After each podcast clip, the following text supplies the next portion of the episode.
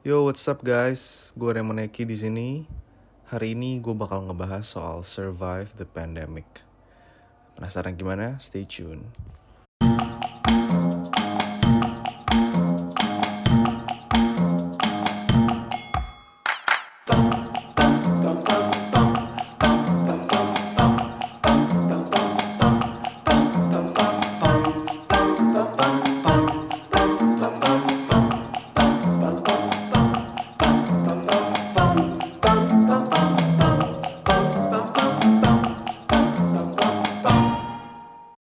Nah, COVID-19 sendiri benar-benar berdampak bagi semua sektor kehidupan masyarakat di dunia. Nah, kalau dari segi ekonomi sendiri, banyak banget nih pekerja atau karyawan yang harus kena PHK atau dirumahkan. Tapi berkat pandemi ini juga, banyak bermunculan entrepreneur baru dan juga model bisnis yang inovatif. Nah, hari ini gue pengen ngomongin soal gimana kita bisa survive dari pandemi ini, khususnya bagi para pengusaha muda. Nah, gue udah ditemenin sama salah satu entrepreneur dan juga aktivis sosial muda. Ada Bang Rofolin di sini. Gimana Bang? Sehat? Halo, Mon. Sehat, sehat, sehat, sehat. Sehat Lu gimana? ya? Lu gimana sehat ya? Bye, bye, bye. Sebelum gue mau nanya-nanya nih Bang, gue pengen tahu dulu sebenarnya. Kenapa Hmm. lo malah milih untuk menjadi entrepreneur sih? Karena kalau dari background studi lu kan lu kuliah di fakultas hukum gitu kan. Sebenarnya gini sih. Ini gue back back to ini dulu ya. Maksudnya awal banget gue masuk Uh. fakultas hukum, gue tuh emang bercita-cita bahwa gue harus punya satu usaha atau beberapa usaha sebelum beres kuliah. Kenapa? Mm, mm, mm. Karena gue mikirnya hmm, kayaknya uh, persaingan itu akan semakin tajam, semakin semakin sulit. Jadi kayaknya mendingan gue untuk nge-hire orang deh dibandingkan gue harus mengikatkan diri sama orang. Jadi ya gue mikirnya pengusaha atau entrepreneur tuh jadi salah satu uh, pilihan yang bagus banget buat uh, anak muda sekarang dan terkhususnya buat gue ya karena gue mikirnya uh, kayaknya akan ma- semakin susah mencari kerja jadi kenapa lu nggak membuka lapangan kerja gitu sih Oh, jadi istilahnya apa ya? Lu lu sekarang lebih ngincer kayak oke gue pengen bikin lapangan kerja yang seluas-luasnya gitu buat orang gitu lah ya. Yes, gue berpikir bahwa kenapa sih uh, anak muda sekarang tuh nggak mencari, nggak membuat lapangan kerja sendiri aja gitu. Ken- Kenapa nggak berpikir seperti itu gitu? Kenapa malah uh, cari kerja dan sebagainya macamnya? Tapi menjadi seorang profesional itu juga nggak salah gitu. Itu bagus banget dan itu Iya, heeh. jadi cita-cita kita semua gitu menjadi Hmm. uh, profesional. Jadi nggak ada yang salah sih. Ini masalah ini aja, masalah interest aja sih sebenarnya menurut gue. Ya, masalah preferensi lo aja kali ya. Yes, benar Nah, banget. Sekarang kan lu udah bikin bisnis nih, bisnis angkringan gitu kan. Uh, uh. Nah, nah awal terbentuknya bisnis lu tuh gimana? Awalnya banget. Ya kebetulan gue gua ada beberapa sektor bisnis kan. Jadi nggak hanya angkringan doang. Oh, jadi ada angkringan ya? ada beberapa. Ada di Jakarta eh, namanya World the Fat lagi Hmm. running sekarang. Terus eh, yang di Bandung di angkringan. Dan gue juga punya eh, bisnis konveksi. Gue pribadi gue jujur gue nggak punya basic masak sejujurnya. Hmm, gue punya iya. basic untuk meracik suatu makanan. Gue melihat ada suatu peluang dari eh, bisnis F&B F&B. Kenapa? heeh. Mm-mm, karena F&B itu salah satu bisnis yang sampai sekarang di Indonesia itu sangat eh, amat digemari oleh siapa pun, terkhususnya anak muda ya. Jadi sekarang tuh banyak banget anak muda, ya pastilah banyak banget yang lebih expert dari gue ya, Hmm. yang punya bisnis F&B, tapi F&B itu eh, jadi ladang bisnis karena eh, dia kebutuhan pokok, maksud gue pangan adalah kebutuhan kebutuhan pokok dari masyarakat gitu. Jadi semua orang butuh makan kan, ya gue butuh Iya. makan, lo butuh makan, Benar, eh, tem- benar. teman-teman kita butuh makan. Jadi Hmm. karena kepokokannya itu, jadi bisnis F&B ini sangat-sangat dilirik oleh eh, hampir semua kalangan. Dan gue melihat itu gitu. Kebetulan ada temen gue namanya Axel. Dia awalnya yang inisiasi bisnis keringan ini bersama keluarganya. Dan gue ngelihat ada satu peluang di mana eh, kayaknya eh, model bisnis angkringan ini tuh belum ada di Dipati Ukur. Karena Dipati Ukur kan itu emang eh, jalannya high road banget ya. Maksudnya itu dia Iya. eh, sangat-sangat banyak orang melintas di situ Mhm. dan banyak orang lewat di situ. Jadi kenapa enggak untuk buka di situ gitu. Eh, Hmm. Akhirnya gue ajak partner gue juga namanya eh, Baba, mungkin Mhm. Remo juga tahu ya. Tahu, tahu, tahu. Akhirnya ya udah terbentuk seperti itu ya eh, sama yang di Jakarta juga kira-kira seperti itu ada peluang. Gue Hmm. ngelihat eh, bagus untuk untuk dibuat lagi rame masuk ya udah jadi kayak gitu. Kalau yang di Jakarta F&B juga ya? F&B. Jadi yang lagi running nih gue F&B 2 sama eh, konveksi satu. Tapi yang benar-benar di up ke media itu Mm-mm. si angkringan gitu. Oh, yang angkringan lah ya. Betul. Tadi di awal gue udah bahas dikit gitu kan soal Hmm. gimana kita bisa survive the pandemic gitu. Yap. Nah, Hmm. sebagai seorang pengusaha nih, dampak terbesar apa sih sebenarnya yang lo rasain dari pandemi ini gitu? Banyak banget sih maksudnya, Baik banget mmm, ya. Banyak banget. Tingkat atau daya beli masyarakat tuh benar-benar turun sih. Karena Mhm. itu kan pembatasan sosial itu kan. Iya, Jadi orang bener. orang tuh nggak bisa nggak bisa bergerak, orang tuh jadi nggak bisa untuk, mmm, berinteraksi dan sebagainya macamnya. Apalagi bisnis F&B walaupun dibantu dengan ojek online, eee, Mhm. Grab, Mhm. Gojek dan sebagainya macamnya, itu kan, eee, sebenarnya bisnis F&B itu rata-rata orang tuh pengen makan karena pengen dapat experience di di tempatnya kan. Mhm. Rata-rata kayak gitu. Jadi misalkan kayak lu datang ke Sky lima lima enam punya Ismaya tuh. Lu kan sebenarnya bukan pengen, eee, nikmatin makanannya doang, tapi lu pengen Mhm. dapat experience-nya. Nah, Iya, karena vibes-nya gitu ya. vibes-nya gitu. Jadi Mhm mhm mhm. karena lu pengen dapetin vibes dan experience-nya, jadi sekarang ya, eee, susah gitu untuk untuk bertahan karena itu ya, dibatasi oleh pergerakan pergerakan kita yang sangat nggak bisa ke mana-mana gitu. Karena ketika lo makan di angkringan, eee, suasananya tuh lu pengen dapet banget, lu istilahnya eee, di lantai gitu kan makannya, eee, Betul betul. lesehan gitu kan. Pasti pasti berdampak ke situ sih. Jadi nggak semata-mata bahwa makanannya aja yang pengen di dirasakan oleh Mhm oleh mhm. masyarakat, tapi experience dari dari tempatnya, dari Bener bener. ambience-nya dan sebagainya macamnya itu tuh bener-bener mempengaruhi bisnis F&B sekarang. Ya jujur gue belum terlalu lama sebenarnya di bisnis F&B, tapi yang gue lihat dari, beberapa bulan terakhir, eee, terutama saat lagi pandemik ini, yang mempengaruhi bisnis gue, gue bisa lihat bahwa, eee, sebenarnya bisnis F&B itu jatuh karena ya itu, orang tuh jadi nggak bisa, eee, ngerasain vibes-nya, ngerasain experience-nya datang ke resto itu, gitu. Bener bener banget. Dan gue sempet baca nih, eee, di Mhm. salah satu tweet lo, lu bilang bahwa Ah. krisis adalah waktu yang tepat untuk berinovasi. Nah, gue pengen Yes. nanya gitu, strategi lu untuk survive dari pandemi itu apa? Basically, eee, strategi gue gimana caranya eee, ini ini ini dulu ya fondasinya ya. Mmm, iya Jadi, iya. eee, gue rapat sama tim, eee, waktu itu tuh sebelum PSBB. Yang harus benar-benar diselamatkan itu adalah karyawan. Iya Karena gue ngerasa karyawan itu bukan pekerja, tapi gue dan tim sepakat bahwa karyawan itu adalah aset. Mhm. Karena kalau Mhm. seandainya yang gue lihat dan gue baca di banyak literatur, perusahaan itu akan maju kalau seandainya karyawannya juga punya pikiran yang maju gitu. Jadi bukan hanya si owner-nya, si CEO-nya, COO-nya dan sebagainya macamnya, tapi karyawannya juga hanya harus punya pikiran yang maju. Nah, Mhm. itu yang pertama kali melandasi gue juga untuk berbisnis bahwa, eee, gue pengen buka lapangan kerja, pengen, eee, punya usaha yang baik, tapi karyawan gue juga harus harus maju gitu. Nah, Bener bener. karena gue mikirnya, eee, menyelamatkan si karyawan ini, eee, supaya tetap survive, tidak potong gaji, apalagi sampai PHK, enggak lah ya, amit-amit. Amit-amit. Itu gue petain masalahnya apa, kayak kemarin Heeh. PSBB lagi rame banget, gue petakan masalahnya, oh ini nggak bisa bergerak, oh ya udah berarti kita harus banyakin sponsor di sosial media gitu ya, maksudnya kasih endorse dan sebagainya macamnya. Oke, kalau misalkan itu nggak berhasil, gue sampai waktu itu gue bilang bahwa kita harus sampai jualan keliling. Jadi Iya. si teman-teman karyawan gue, teman-teman gue, kita datengin komplek-komplek rumah, kita, eee, jalan, itu yang benar-benar strategi yang paling fundamental untuk menghadapi, eee, si corona ini gitu. Di zaman motong. sekarang maksudnya, Hmm. kita kan di rumah aja nih gitu kan. Iya. Dan otomatis penggunaan sosial media pasti meningkat banget. Iya. Dan kayaknya strategi yang cocok emang Instagram atau pakai Gojek Hmm. gitu. Strategi paling jitu tuh ya emang sebelum ada pandemik ini juga memang ini sih, kita udah pakai itu sih, tapi Oke. tapi apa ya, lebih masif lagi lah untuk Mhm menggunakan, mhm. eee, media sosialnya gitu. Bener bener. Oke, sekarang kita ngobrol dikit nih soal kebijakan pemerintah ya. Kita Gue nih. semua tahu bahwa belakangan ini pemerintah kita kan lagi dikritik banget gitu kan. Iya. Karena banyak kebijakan yang tumpang tindih. Misalnya Hmm. dari Pemda sama Pempus gitu. Pemdanya ngomong A, terus Pempusnya ngomong B gitu. Nah, hal Iya. ini kan bisa bikin bingung masyarakat gitu loh. Mhm. Lo sendiri menilai hal ini tuh gimana? Dan menurut lo apa yang harus pemerintah lakuin sih sebenarnya? Ya, gue yang pertama gue sangat prihatin ya, maksudnya Hmm, iya. memang keadaan pandemik ini tuh kita nggak bisa prediksi ya.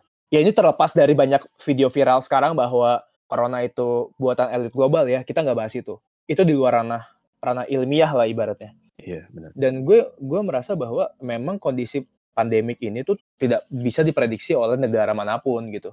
Hmm. mau itu Amerika, uh, Cina dan sebagainya macamnya. Yang paling bisa dilakukan oleh negara, terutama pemerintah Indonesia adalah dengan menekannya selandai mungkin.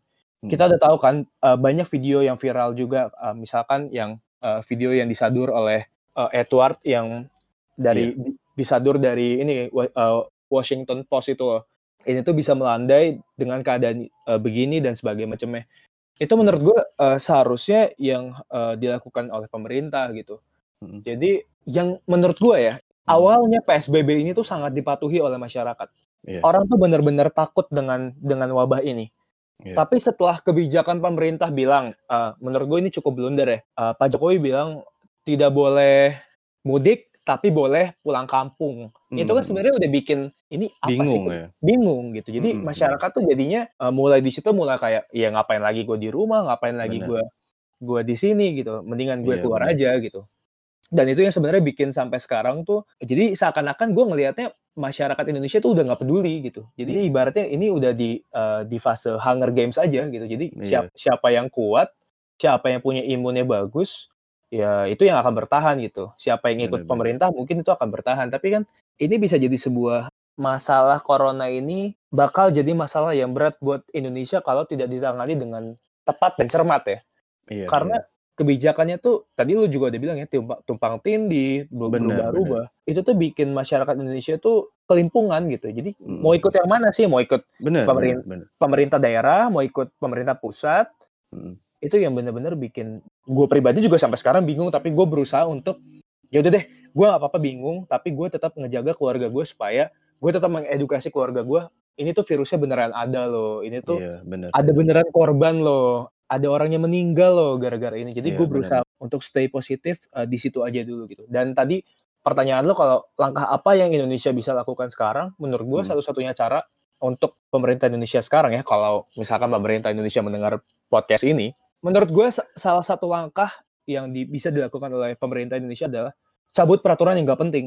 Jadi buat peraturan yang benar-benar tegas, misalkan yeah. dilarang keluar uh, Indonesia dua minggu uh, subsidi selama dua minggu itu, hmm. buat orang-orang yang ODP atau misalkan sempat interaksi dengan yang sudah terinfeksi virus virus corona, yang positif corona, itu buru-buru untuk rapid test gitu.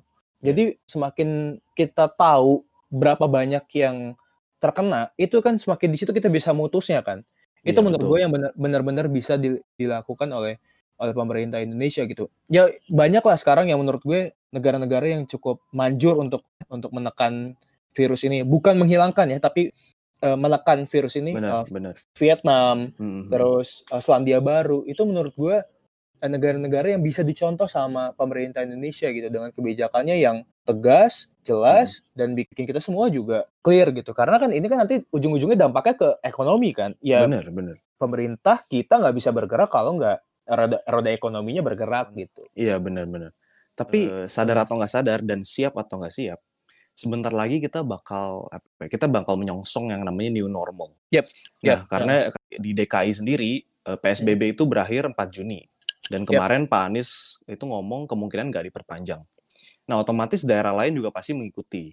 Nah, lo hmm. sendiri uh, dari bisnis lo, dari uh, usaha lo, apa yang yang lo udah siapin gitu untuk new normal ini gitu? Oh, ini pertanyaan menarik sih. Yang jelas kalau untuk bisnis uh, F&B, karyawan dan juga gue sudah mempersiapkan ini sih. Kita untuk selalu ngasih jarak sama pengunjung gitu ya. Hmm. Jadi uh, selalu pakai masker, selalu sebi sebisa mungkin uh, pakai sarung tangan. Kita selalu menyediakan hand sanitizer dan sabun pencuci tangan gitu ya. Kita kasih Bener. edukasi sama pelanggan untuk memberikan jarak dan sebagainya macamnya. Itu sih untuk untuk menyongsong itu hmm. uh, menyongsong new normal itu ya kita sebisa mungkin sedini mungkin dari diri kita dulu aja gitu.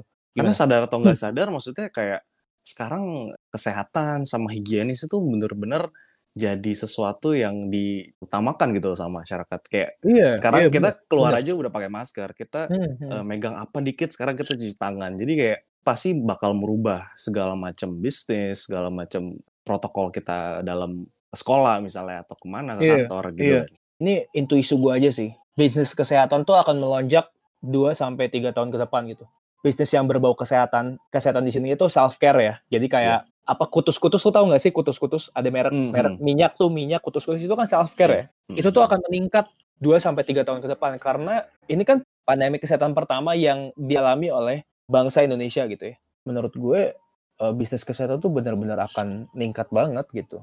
Hmm. Nah, yang terakhir nih, hmm. kira-kira kesan lo apa sih untuk para entrepreneur muda yang pengen mulai bisnis gitu, tapi terkendala sama pandemi gitu? Kalau gue sih ngerasa krisis adalah salah satu batu loncatan, seperti yang gue bilang di Twitter gue. Krisis adalah salah satu batu loncatan atau satu cara untuk hmm. lo tuh dapat hal yang baru gitu. Jadi gue ngerasa bahwa justru ketika lagi sekarang karena uh, gue pribadi juga lagi menyiapkan project baru ya untuk menyongsong keadaan ini semoga bisa jalan juga. Gue ngerasa bahwa kita kita coba nge-refresh mind kita. Um, yeah. waktu lagi krisis bukan krisis kali ya revolusi uh, industri yeah.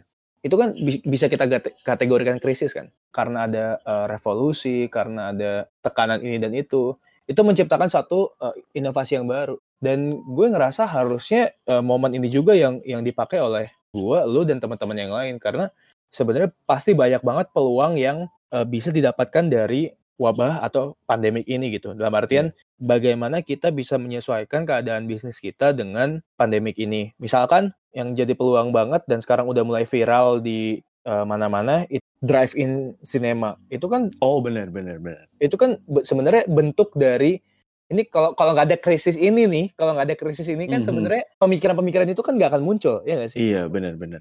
Justru karena ada krisis ini, yang orang nggak bisa ke mana-mana dan lebih safety di mobil, akhirnya ya terciptalah drive-in cinema ini gitu. Iya, benar. Dan kalau gue nggak salah bulan Juni nanti akan ada di Jakarta. Kita lihat lah mm -hmm. apa mhm. pergerakan bisnisnya seperti apa. Tapi menurut gue akan booming sih karena sekarang tuh masyarakat tuh bener-bener butuh banget uh, yang namanya art kayak semacam konser, kayak semacam hiburan lah ya. Bener, lu bosen gak sih kayak ya yeah, kita, kita gak bisa bosen bohong banget gak sih kita nggak bisa bohong lah maksudnya kita bosen di rumah maksudnya dengan kayak lu harus ke kamar terus lu harus bolak-balik ya ya ya walaupun lu rumah lu gede banget ada apa ya ada perasaan bosan itu ya jadi gue ngerasanya art atau konser dan sebagainya macam itu akan jadi suatu hal yang sangat-sangat dibutuhkan masyarakat saat Bener. ini gitu Bener. jadi gue ngerasa drive-in cinema ini akan akan booming banget gitu. Jadi gue jadi gue tetap merasa bahwa krisis ini uh, jadi sebuah uh, batu loncatan lu untuk membuat sesuatu hal yang sangat-sangat inovatif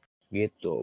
Iya. Dari conversation hari ini gue menangkap bahwa krisis itu bukan penghalang lo untuk berkarya gitu ya bang? Ya? No, no, no. Enggak. Gue ngerasa bahwa krisis itu jadi sebuah uh, cara lo untuk menjawab tantangan yang ada di depan lo gitu. Justru kalau menurut gue manusia tuh pinter karena kepepet, ya gak sih? Jadi misalkan nih, lu ya kayak sekarang aja, lu hampir ngeliat di uh, semua sosial media atau Instagram teman lo pasti jualan hmm. makanan kan? Bener, bener banget. Bener kan? Story gitu kan? Bener kan? Maksud gue kayak yeah. hampir semua dapur di uh, berbagai macam uh, kota jadi uh, tempat untuk menjual makanan. Maksud itu kan sebenarnya karena kepepet kan? Iya. Iya gak sih? Awalnya mereka nggak nggak mikir itu kan, karena krisis, karena kepepet, jadi mereka mikir gimana caranya gue supaya survive gimana caranya gue supaya uh, tetap bertahan hidup ya itu ya makanya gue gue ngerasa bahwa krisis itu akan menekan lo akan menekan pemikiran lo yang nanti memunculkan ide-ide baru bahwa wah gue nggak bisa terus-terusan kayak gini gitu gue nggak bisa terus-terusan dikungkung oleh keadaan ini dan gue harus survive jadi Benar. itulah muncul inovasi-inovasi baru gue yakin lah uh, satu dua bulan ke depan pasti akan inovasi-inovasi uh, dari anak muda itu akan luar biasa banget gue terakhir lihat di twitter resto gitu jadi dia tuh di atasnya itu kayak ada semacam lo makannya itu tuh kayak ada kacanya gitu loh. Misalnya di satu meja ya, misalkan buat tiga orang.